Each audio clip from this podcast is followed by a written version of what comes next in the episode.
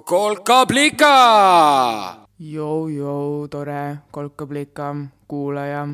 minu nimi on Liina, kutsun endki kolkablikaks ja olen täna siin, et tuua sullegi ehk tulu ehk taipamist.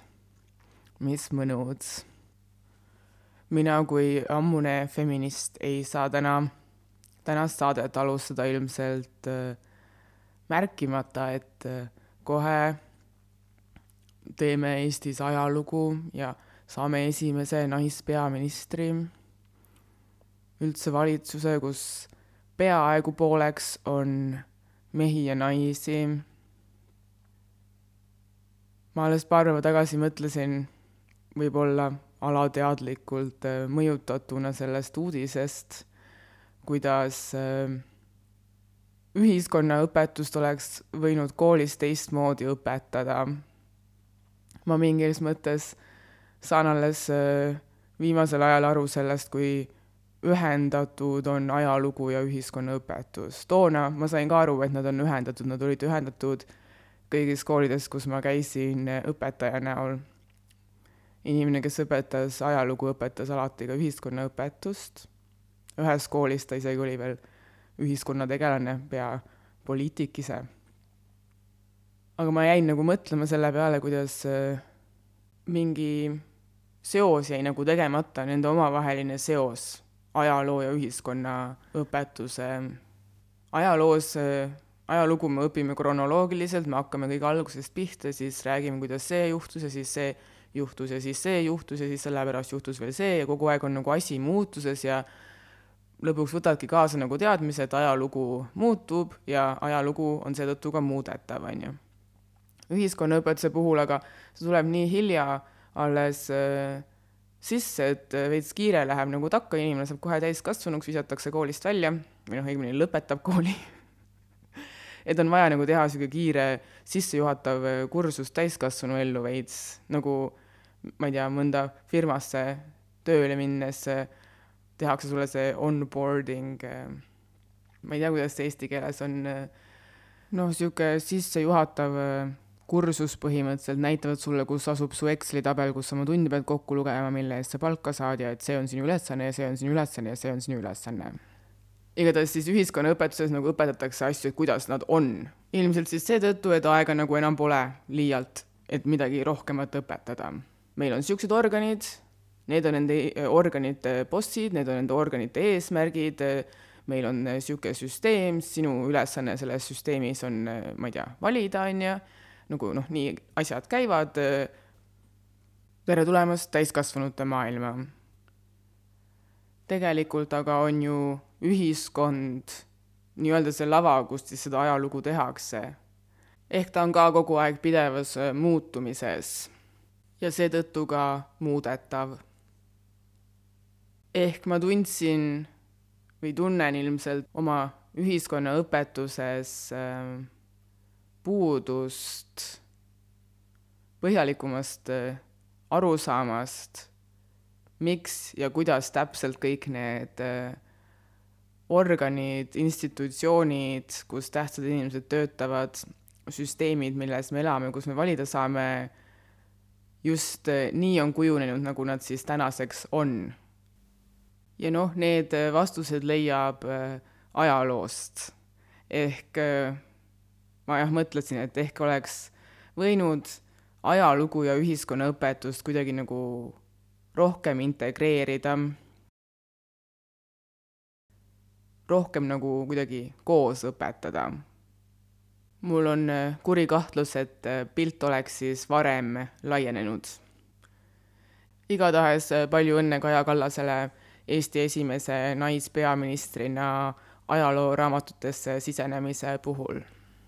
ja vaatame, kas tal õnnestub ka mingil äh, muul viisil äh, ühiskonda muuta. ma loen aga praegu ühte raamatut, äh, mida võib vist isegi startup'ide ja iduettevõtete maailmas nimetada pea eneseabiraamatuks. Startup maailma ja ma ei meeldi endale maailma eneseabiraamatute vahel on minu arust nagu kerge vahe. kui äh, viimasena mainitud, ma ei meeldi endale eneseabiraamatute puhul, keskendutakse rohkem nagu siuksele su praegused mõtted ja tunded on katki ja lase nad lahti ja saada nad ära ja siis umbes istu ja oota, et tuleks uued paremad mõtted, tunded äh, asemele, väga lihtsustatult, siis äh, iduettevõtete eneseabiraamatutes tavaliselt nad juba nagu eeldavad mingit sorti enesekindluse olemasolu.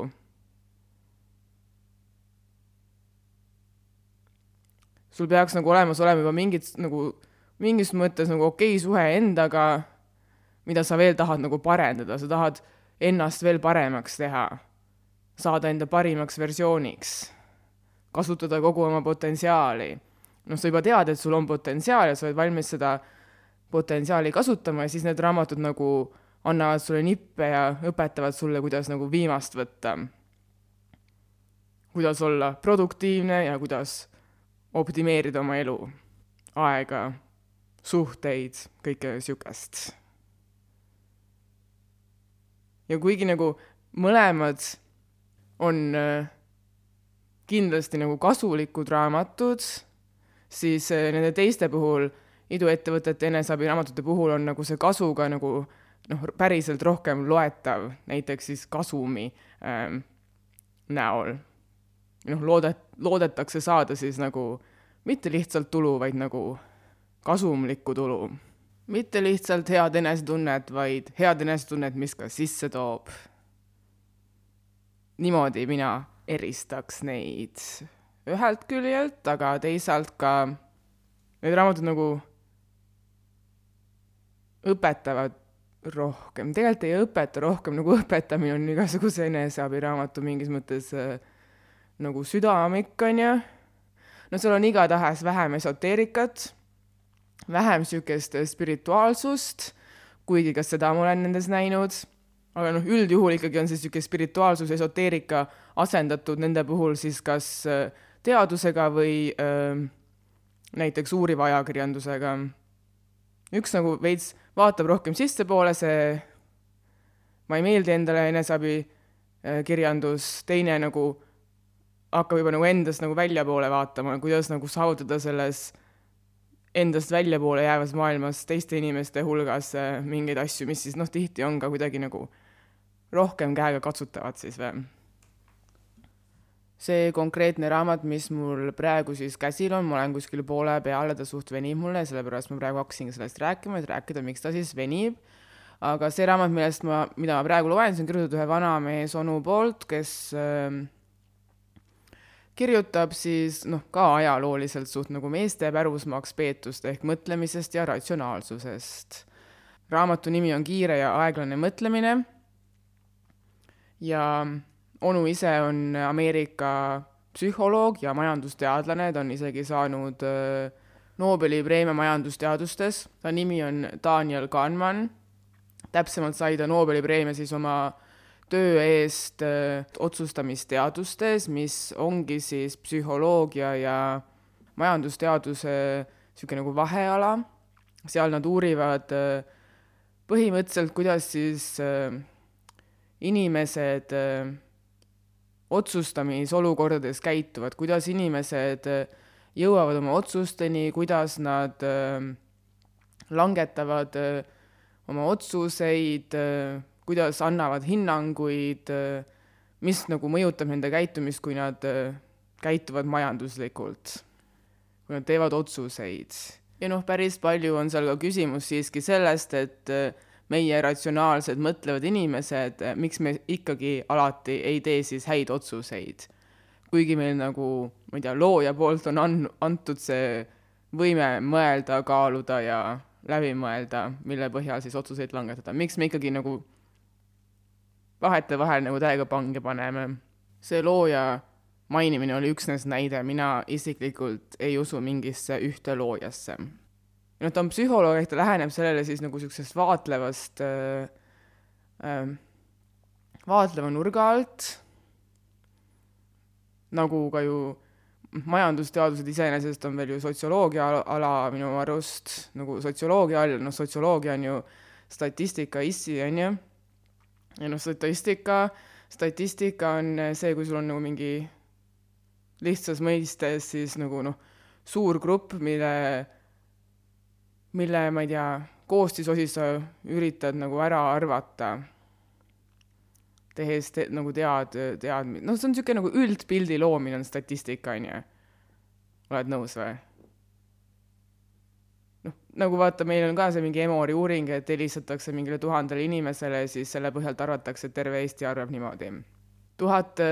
kui kogu, millele nad helistavad, võtsin praegu täiesti nagu laest, aga minule nad ei ole mitte kunagi helistanud, samuti ei tea ma mitte ühtki inimest, kellele nad oleks helistanud äh, ning äh, kuigi ma ka arvan, et minu tutvusring, ringkond ja selle suurus ei ole vast äh, statistiliselt ka mingi märkimisväärne kogus Eesti ühiskonna suhtes, siis siiski ma olen suht veendunud, et tegelikult nagu see number, kes äh, pidevalt annab teada, kuidas meie kõigi ühine statistiline arvamus muutub, ei ole nagu liiga suur.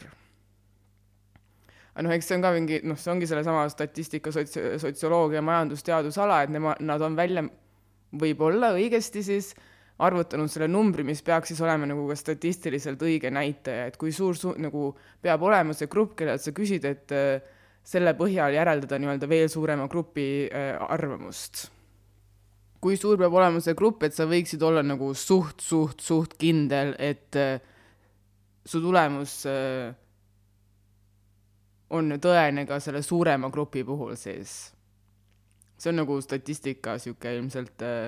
matemaatiline teoreetiline küsimus statistika taga, millest ka see raamat räägib, mida ma praegu loen, et võib-olla sellepärast ma siia äh, statistika juttu sisse kukkusingi, aga minu arust on statistika viimasel ajal üldse nagu põnev teema mulle. Ma kuulen ta kutseid igalt poolt erinevatest kohtadest. üks äh, koht on nüüd see raamat siis juhuslikult. Äh, aga noh, teine koht oli mingi umbes aasta aega tagasi, kui ma lugesin äh, ähm, võimust, ütleme nii siis.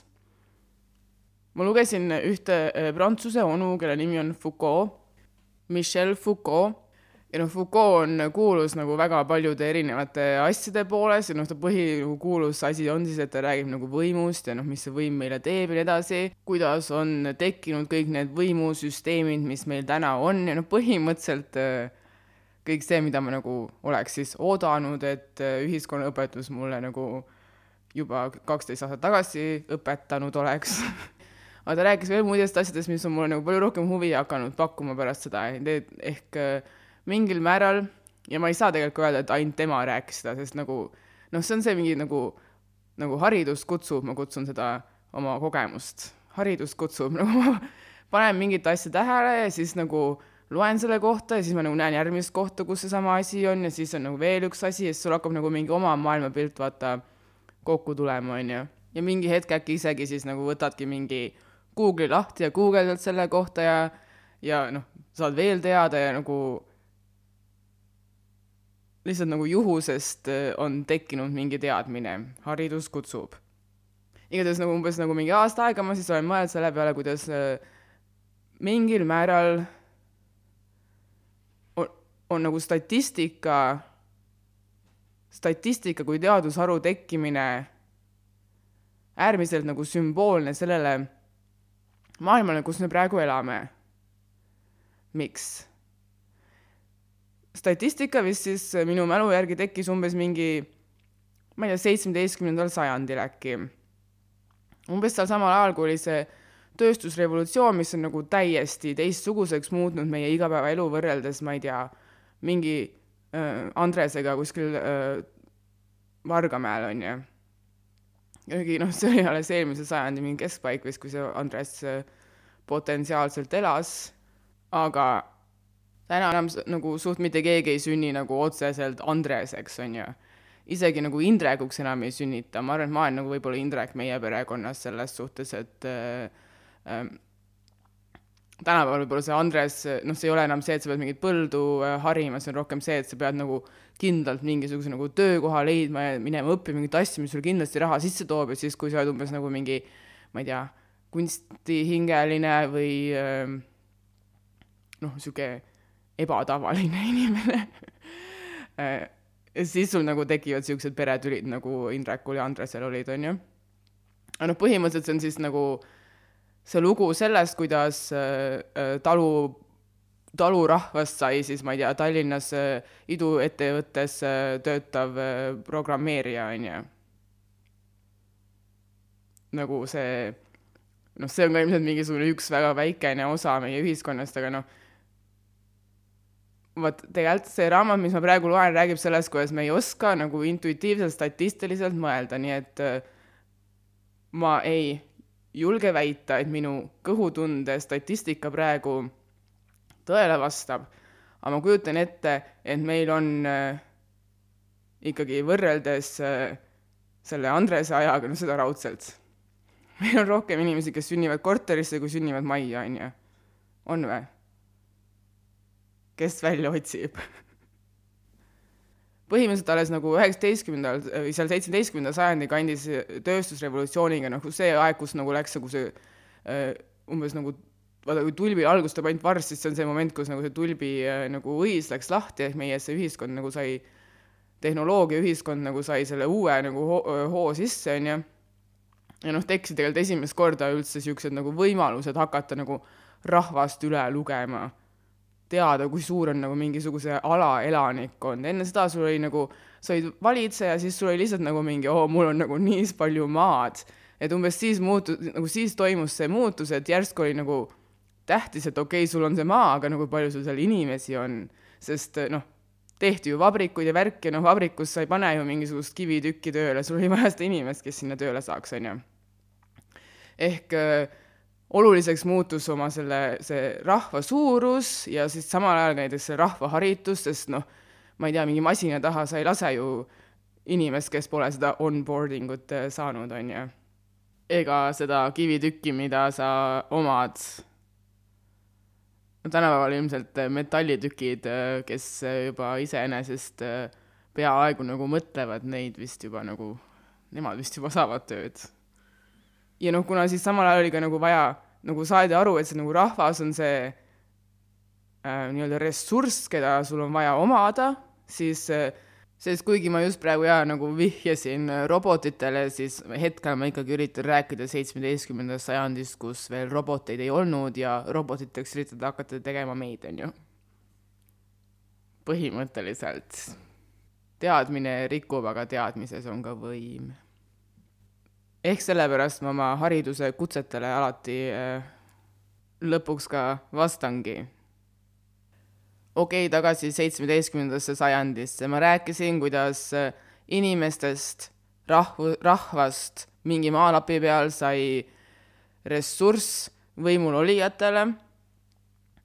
elukorralduse jaoks hädavajalik osa, sest meie loodi vabrikud ja nii edasi, tehti koolid, kus neid vabrikutöölisi õpetati noh, siis loogiliselt, kuna ka ju oli arenenud igasugune muu tehnoloogia, muutus ka vajalikuks äh, nende inimeste, noh, kuna teadmine on eh, võim, haritus on võim, muutus, muutus oluliseks ka nagu midagi noh, saada teada nende inimeste kohta, kes siis sinu alluses töötavad või siis sinu võimu all elavad. loogiline tunnete perspektiivist. muidugi sa ju bossina tahad teada, kas tahad teada, mida tööline sinust arvab, kas ta elab heas äh, kohas, kas ta elujärg on hea, sest muidu äkki ta hakkab sind vihkama, siis sa kaotad töölise, aga tööline on sinu jaoks ju tegelikult äh, keegi, kes sulle raha sisse toob, ehk nagu muidugi sa tahad teada, kui õnnelikud on su töölised, et neid enda juures tööl hoida ja seal tuleb statistika appi see oli sihuke väga kiire ülevaade statistika sünni põhjustest. nii sündis statistika. miks see on praegu oluline? minu jutu vaatevinklist ma ütlesin, et äh, statistika sünd mingil määral on nagu sümboolne meie praegusele olukorrale ehk nagu kui palju on otsuseid praegu, mida tehakse nagu suurel tasandil äh, nagu hulle otsuseid, mitte hulle selles mõttes, et nagu halbu, vaid nagu noh, niisuguseid nagu suuri otsuseid, mis nagu palju inimesi mõjutab ilma statistikat arvesse võtmata. neid peaaegu enam ei olegi ju. sa, statistika on saanud nagu mingi selleks, ma ei tea,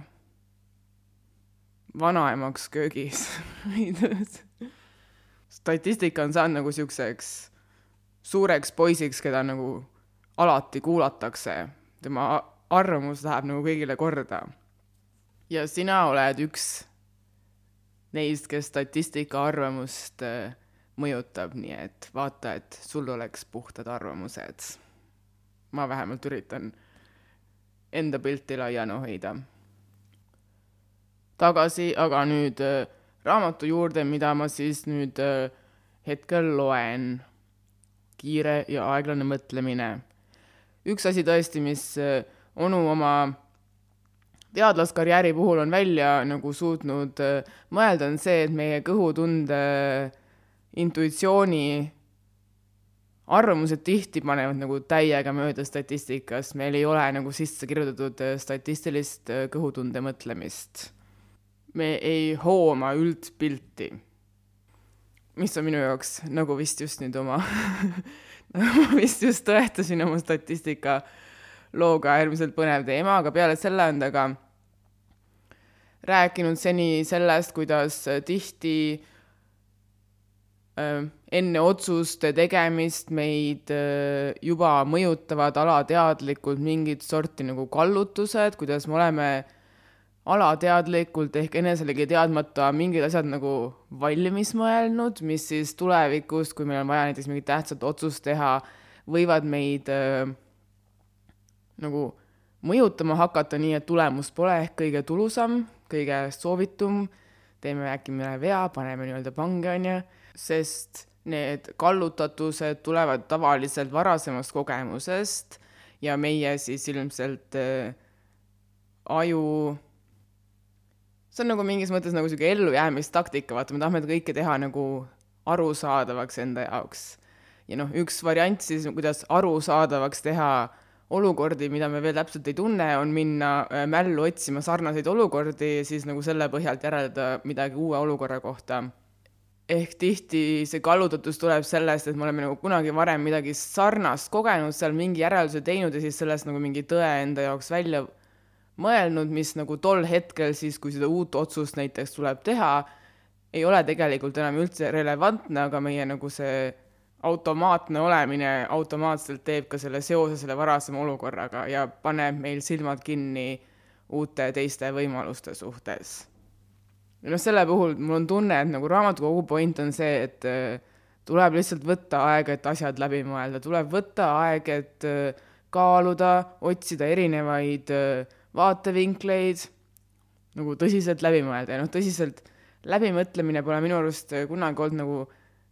nii raske tegevus, kui ta nagu kõlab, ehk äh, see vist väike nipp seal on see, et tuleb lihtsalt nagu küsimusi esitled, esitada ja võtta ka aega, et neile vastata.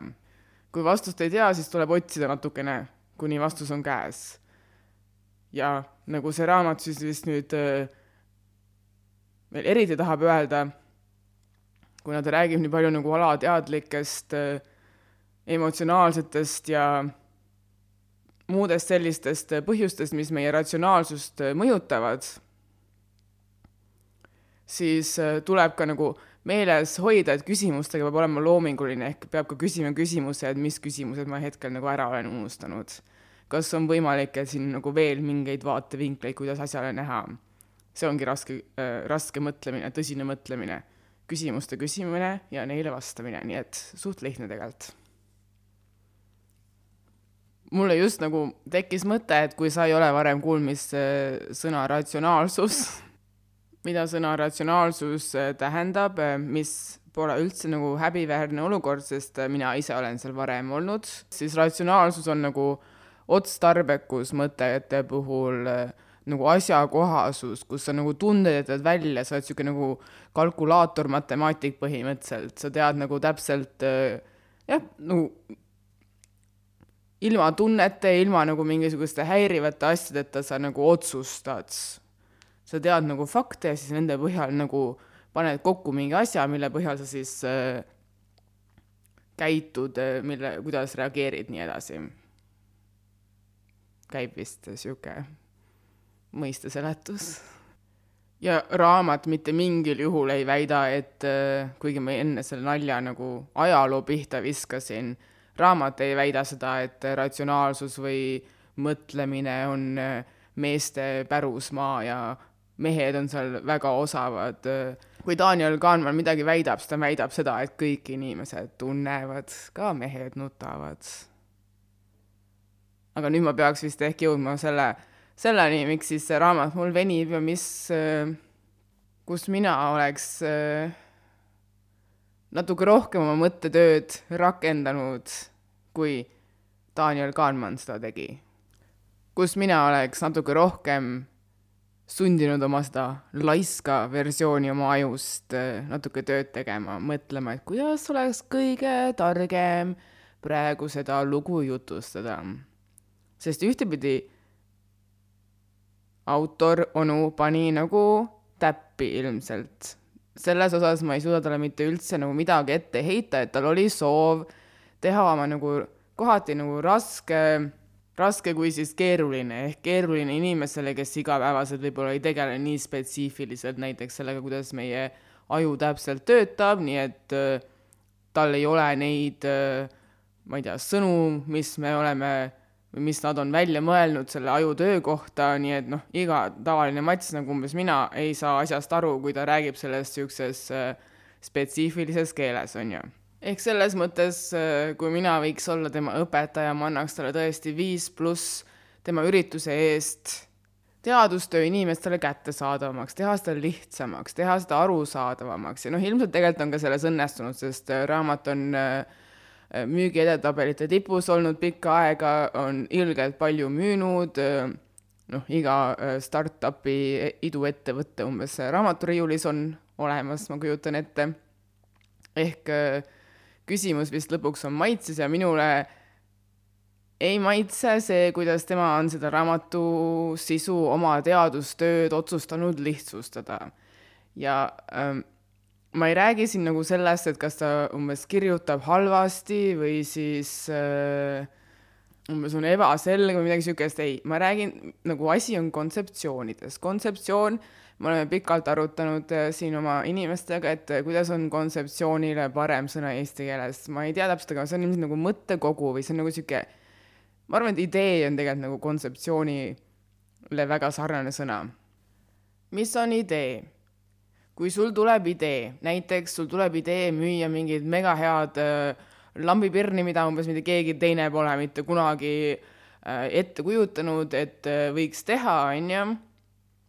siis selle ideega tavaliselt, kui sul tuleb niisugust sorti idee, sellega tulevad tavaliselt kaasa nagu mingid teist sorti, sorti ka tähendused või rakendused. või noh, see on umbes nagu see äh, kooseluseaduski, sellel nagu sul on idee kooseluseadusest, aga sul on selleks vaja nagu rakendusi, et see idee nagu tööle saaks. rakendusseadusi, seadusi, mis selle siis seaduse nii-öelda seaduslikuks teevad, noh, see on täiesti mingi okei okay,, võib-olla nagu liiga karm näide siin praegu, millele minu aju äh,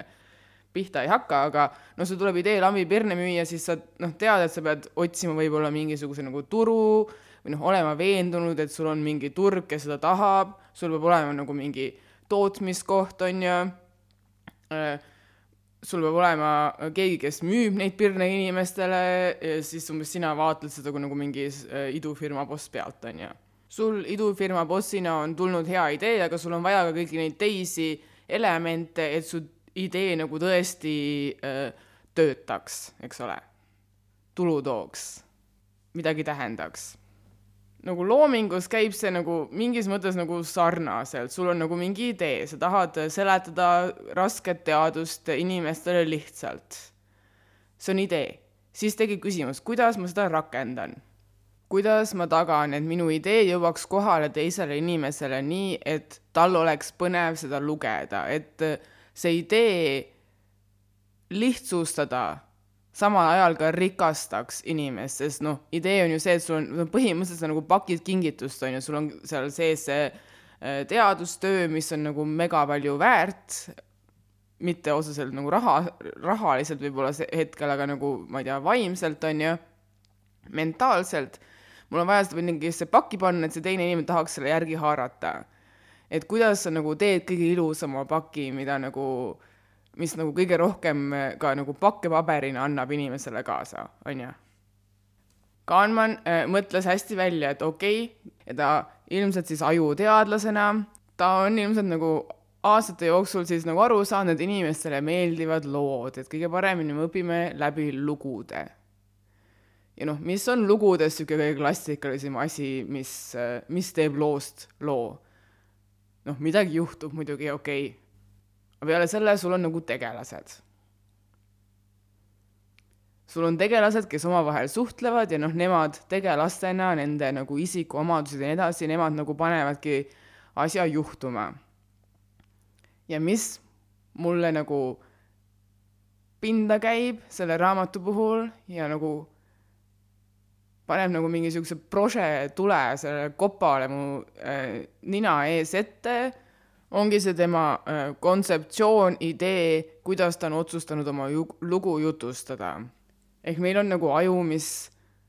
ma ei tea, mina alles nagu mingi paar aastat tagasi sain teada, et meie ajul pole kahte nagu erinevat poolt, kus üks on nagu mingi loogika ja teine on nagu loomingulisus ja siis olenevalt sellest, et millist sorti inimene sa oled, sul on nagu üks ajupool tugevam kui teine. Alles nagu paar aastat tagasi sain ma teada, et see on nagu täielik vale, et see ei ole tõsi, kuigi nagu see ajas mind juba varem ka sassi, sest ma olen nagu nii väga, kui ma ei tahaks olla kahtlane, mul oli nagu alati selles osas ka kahtlane, sest mul oli nagu, ma ei suutnud teha vahet nagu mul ei ole üks pool tugevam kui teine, mul oli nagu mõlemad pooled tugevad, nagu mis see minust siis teeb, onju. ikka olen nagu kahtlane, ikka ei saa hakkama selles inimkambas, nagu ikka ei, kuidagi ei sobi sisse, nagu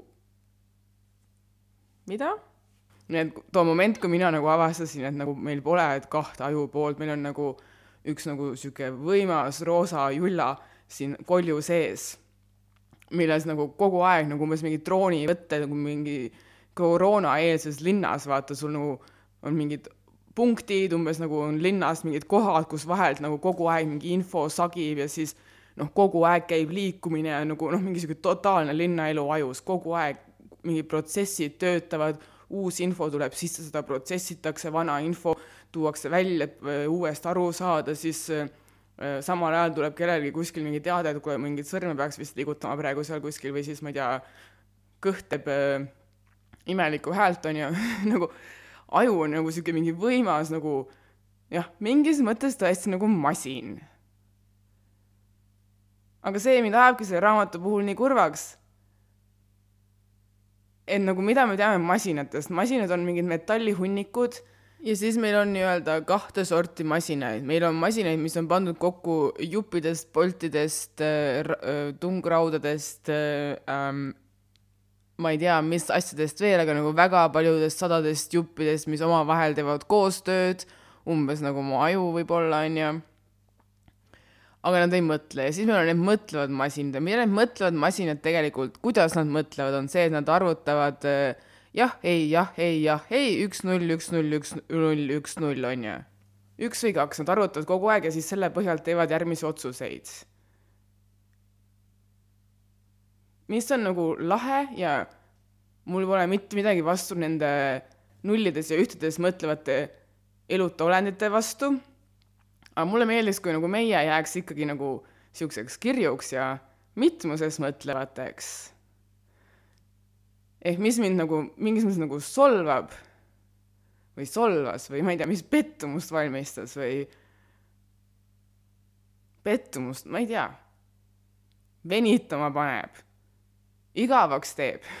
igavaks teeb, jah, igavaks teeb. Kahnmani raamatu puhul on see, et ta on otsustanud, tema kui nagu teadlane, kes teab ilmselgelt meie ajust ja meie käid nagu sada tuhat korda rohkem kui mina,